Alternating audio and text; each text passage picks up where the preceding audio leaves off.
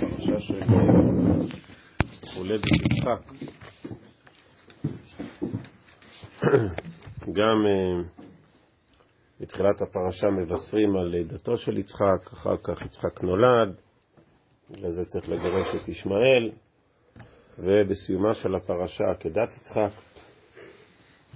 אנחנו יודעים שכשיצחק מופיע בעולם, מופיעה יחד איתו מידת היראה. כשיעקב אבינו בפרשת ויצא צריך להגיד שהוא נודר, נדר, ונשבע שבועה בשם שמיים, וישבע יעקב בפחד אביו יצחק. ואומר, במקום להגיד אלוהים, הוא אומר פחד יצחק. זאת אומרת, שאמרת הקדוש, אמרת פחד יצחק, אמרת הקדוש ברוך הוא. ואומר את זה עוד פעם בפרשת ויצא. לולא אלוהי אבי אברהם, ופחד יצחק היה לי. מי עזר לי בחיים? אלוהי אברהם ופחד יצחק. אמרת יצחק, אמרת יראת שמיים.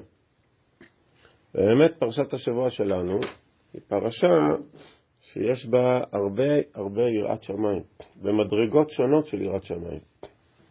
בסוף הפרשה, בשיאה של עקדת יצחק, אתה ידעתי כי ירא אלוהים אתה. זו הייתה המטרה. כל המטרה של כל הניסיון של אגדת יצחק, והמטרה הייתה ירא אלוהים אתה. זאת הייתה המטרה. להראות שאברהם ירא אלוהים, עמדת בניסיון. מצאנו עוד יראה בפרשה. אברהם אומר למלך פלישתים, אמרתי אין יראת אלוהים במקום הזה. אם אין יראת אלוהים והרגוני על דבר אשתי. יראת, רואים שיראת אלוהים יכולה להופיע בדבר הכי אלמנטרי, ומופיע גם במדרגות הכי גבוהות של הקטעת, אותו ביטוי, יראת אלוהים, ירא אלוהים אתה. ירא אלוהים אתה זה גם uh, התחתית של התחתית בארץ פלישתים, וגם השיא של השיאים בעקדת יצחק. יש uh, בכלל יראת העונש בפרשתנו. מה, מה זה סדום אם לא יראת העונש? וגם בתחילת הפרשה, ממש ממש בהתחלה, רואים שיש יראה. כי שרה שומעת את אחד שלושת האורחים אומר שהיא עוד שנה יולדת. ותצחק. דברים הוא מקשקש האורח הזה, זה נחמד שהבאנו לו לאכול, אמרנו לבלבל את הראש, ותצחק צרה בקרבה לאמור. ופתאום הקדוש ברוך הוא מתערב באמצע השיחה. למה צחקה שרה? ותכחש שרה. ואותו היא אמרה, לא צחקתי, למה? כי היא יראה, יש לה יראה. אז אומרת, לא, לא, לא, לא צחקתי. אז רואים שיש לה, שהיראה, יש לה יראה לשרה, נעצרת, לא, לא צחקתי. יראה זה בעצם אה, המסוגלות שלנו בכל מיני רמות בחיים אה, לעצור ולהבין שאנחנו עומדים בפני דברים יותר גדולים. כשאדם אה, עוצר ומבין שהוא עומד בפני דברים יותר גדולים, יש דברים גדולים לפניו, עליונים ממנו, הוא נעצר, מסתכל, זה יראה. והיראה הזאת היא חשובה מאין כמותה. כי זה השורש של כל עולם הלמידה. שורש של כל היכולת של החוכמה. של כל היכולת אה, להיות בני אדם ש... שלומדים דברים, לומדים דברים בחיים, מתעמקים, לומדים. אם אדם אין לו יראה, כותב המלבין בתחילת ספר משלי, אם אדם אין לו יראת השם, אין לו חוכמה. אם אדם אין לך יראה, למה? ראשית חוכמה או ראשית דעת יראת השם. אז אני אספר לכם סיפור אה, אמיתי, שאולי מחדד את העניין. אולי סיפרתי אותו כבר. אם סיפרתי, קצר, אני מתנצל. קראתי פעם לפני הרבה שנים, מישהו כתב ככה: יש רמב"ם, ציטט הלכה ברמב"ם, ביקשה לרמב"ם קושייה מהגמרא, שזה דברים מייסים בכל יום, שזה אנחנו לא... מקשה על הרמב"ם קושייה מהגמרא, קושייה חזקה. הוא כתב, כנראה הרמב"ם היה עייף כשהוא כתב את ההלכה הזאת. ככה הוא כתב. זה שנראה שאין לך יראה. למה? כי אתה לא אומר, לא מבין שהרמב"ם זה דבר גדול. אתה חושב שהרמב"ם זה קטן. מה הבעיה בזה? שהפסדת את החוכמה. כי אם אתה עונה תשובה כזאת, אתה מפסיק לשבור את הראש. אתה לא, אתה לא, אתה מפסיק, אתה לא מחכים.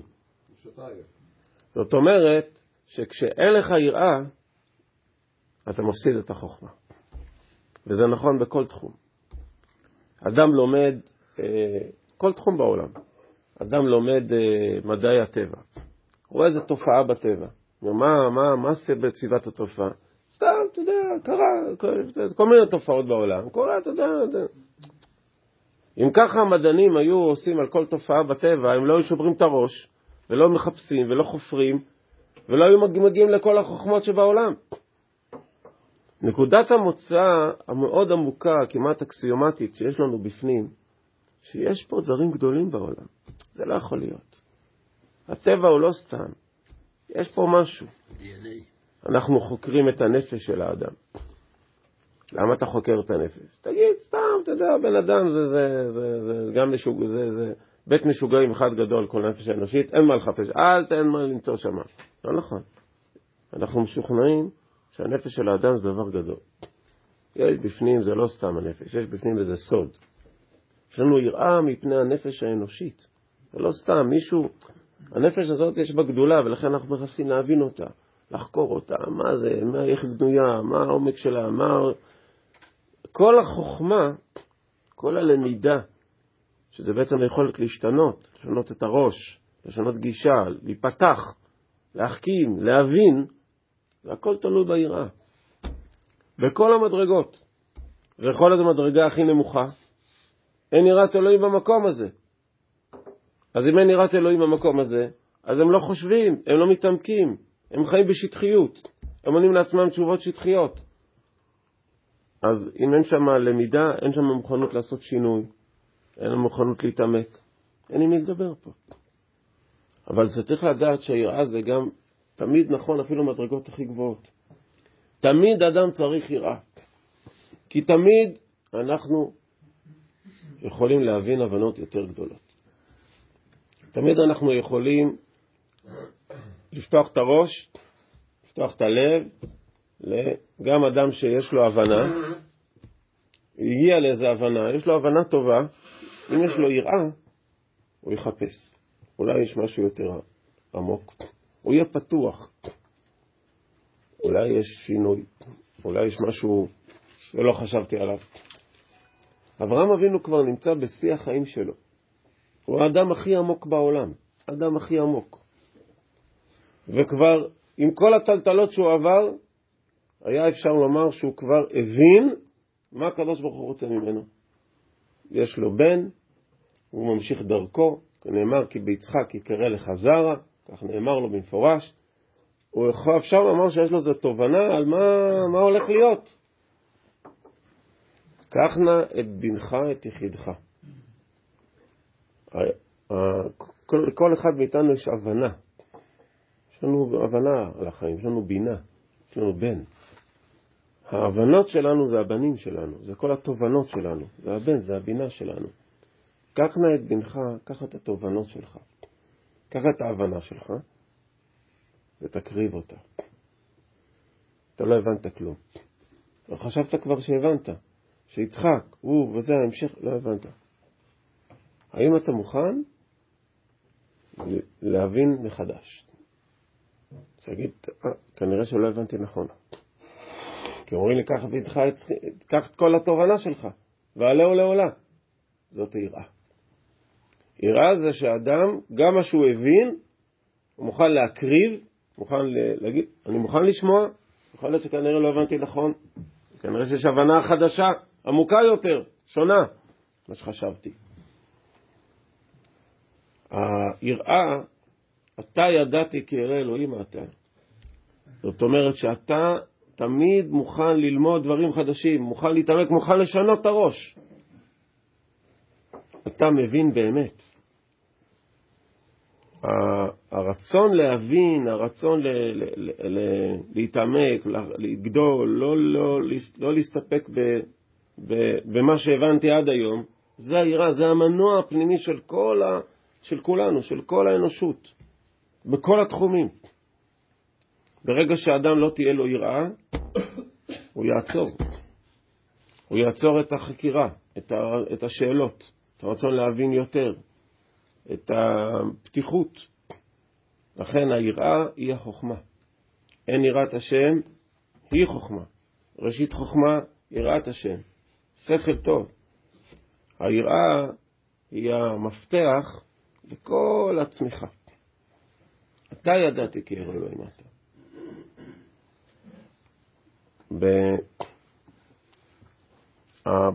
הבן, זה, כמו שאמרנו, זה התובנות. כל תובנה שיש לנו בחיים זה, ה, זה הבן, זה משהו שנולד לנו. נולדה לנו הבנה. איך נולדת לך הבנה בחיים? חכם הוא רואה את הנולד. איך נולדת לך הבנה? כשאפשרת לה להתרחש. אם היית, אם אדם הוא סגור, אטום, אין לו יראה, אה, זה מה שהבנתי, אין מה למצוא פה יותר. אין מה לחפש פה עוד. אני מסתכל, זהו, זה כל מה שיש כאן. אין לך יראה? כל, אתה בטוח אין פה עוד שדות? אז הוא, הוא הורס לעצמו, תמונה מעצמו את ההבנה החדשה, את הבן שייוולד. יש גמרא בשבת. גמרא אומרת שיש מילים בעברית שאפשר לקרוא אותם מההתחלה לסוף, מהסוף להתחלה. זה לא חידוש גדול. שמש, סוס, ישי, דוד, יש כמה מילים כאלו שאפשר לקרוא משני הצדדים. והגמרא מביאה שלוש דוגמאות מאוד מוזרות. אחת הדוגמאות שהגמרא מביאה למילים שאפשר לקרוא משני הצדדים, משום מה, זה המילה נבוב. בחרה את המילה הזאת. שלוש מילים. לא ניכנס עכשיו לכל הדרשה שם, זו דרשה מאוד מוזרה. מסכת שבת. נבוב. טוב, מה זה המילה נבוב בעברית? חלול. חלול, ריק. אומרת הגמרא, הנה, זו דוגמה למילה שאפשר לקרוא אותה מההתחלה לסוף וגם מהסוף להתחלה. תנסו לקרוא את המילה הזאת מהסוף להתחלה. ב' ו' ב' נ'. אנחנו לא מכירים מילה כזאת בעברית. מזל שהרב קוק כתב לנו את הניה. הרב קוק מסביר, תסתכל מה כתוב, כתוב בו בן. ב' ו' בו נמצא הבן. כלומר, במקום שאתה נבוב, במקום שאתה מודה שיש לך עוד מה ללמוד, שאתה אומר, אני עוד לא ראיתי הכל, אני קצת, זה היראה. במקום שאתה מאפשר חלל, ואתה אומר, יש לי עוד מה להבין, שם בו נמצא הבן שלך, נמצאת ההבנה החדשה שלך. ההבנה החדשה שלך, היא תהיה במקום שבו אתה, יצחק נולד בפרשתנו עם, עם אווירת יראה, ואפשר לומר שהוא נולד פרשתנו, והמילה בן מופיעה בפרשתנו המון. בנך יחידך, ואומר בני, ואומר אבי, ואומר אינני בני, וגם לפני כן על אודות בנו ובנה. יצחק הוא הבן, הוא הבן באי הידיעה. הוא בעצם, כשהוא מגיע, כל העולם נפתח. מה קרה כשיצחק נולד? נפתח הראש לכל האנושות. מה זה? זה בניגוד לכל התובנות שהיו לנו עד היום. עד היום אף אחד לא חשב ככה, שיש דבר כזה בעולם. בבת אחת כולם נהיו נבובים. כולם, אה, מה זה, מה זה הדבר הזה? מי מילל לאברהם, אליקה בנמצא? איך זה יכול להיות? נפקדו כל ההכרות, תפתח הראש לכל האנשים. אה, נפתחו הבינות, נפתחו ההבנות.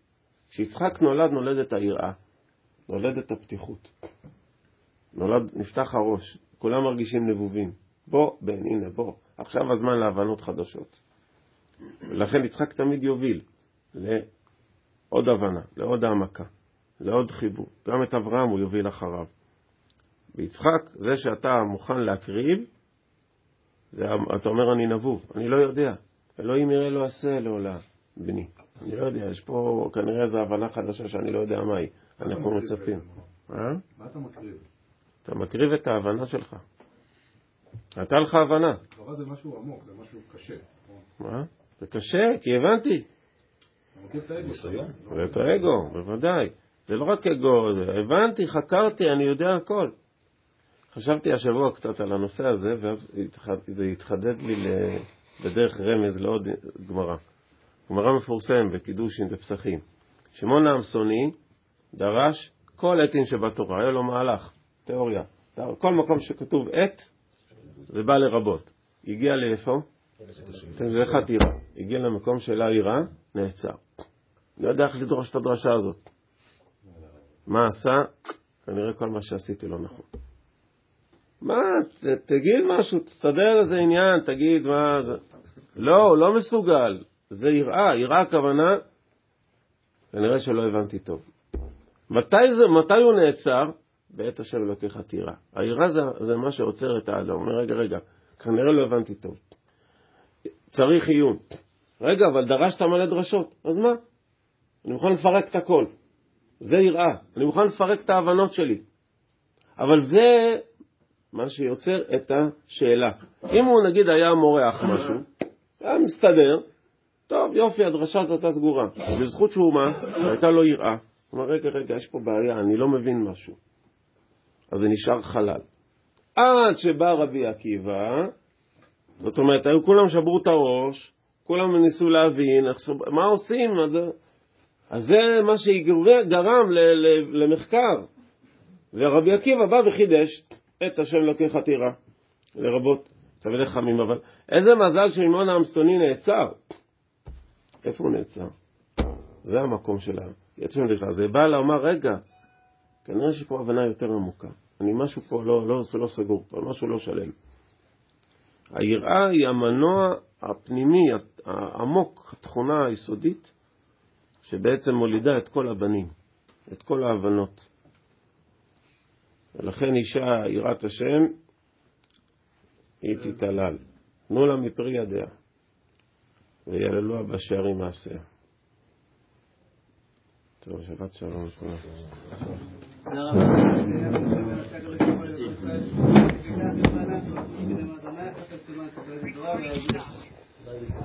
אמן.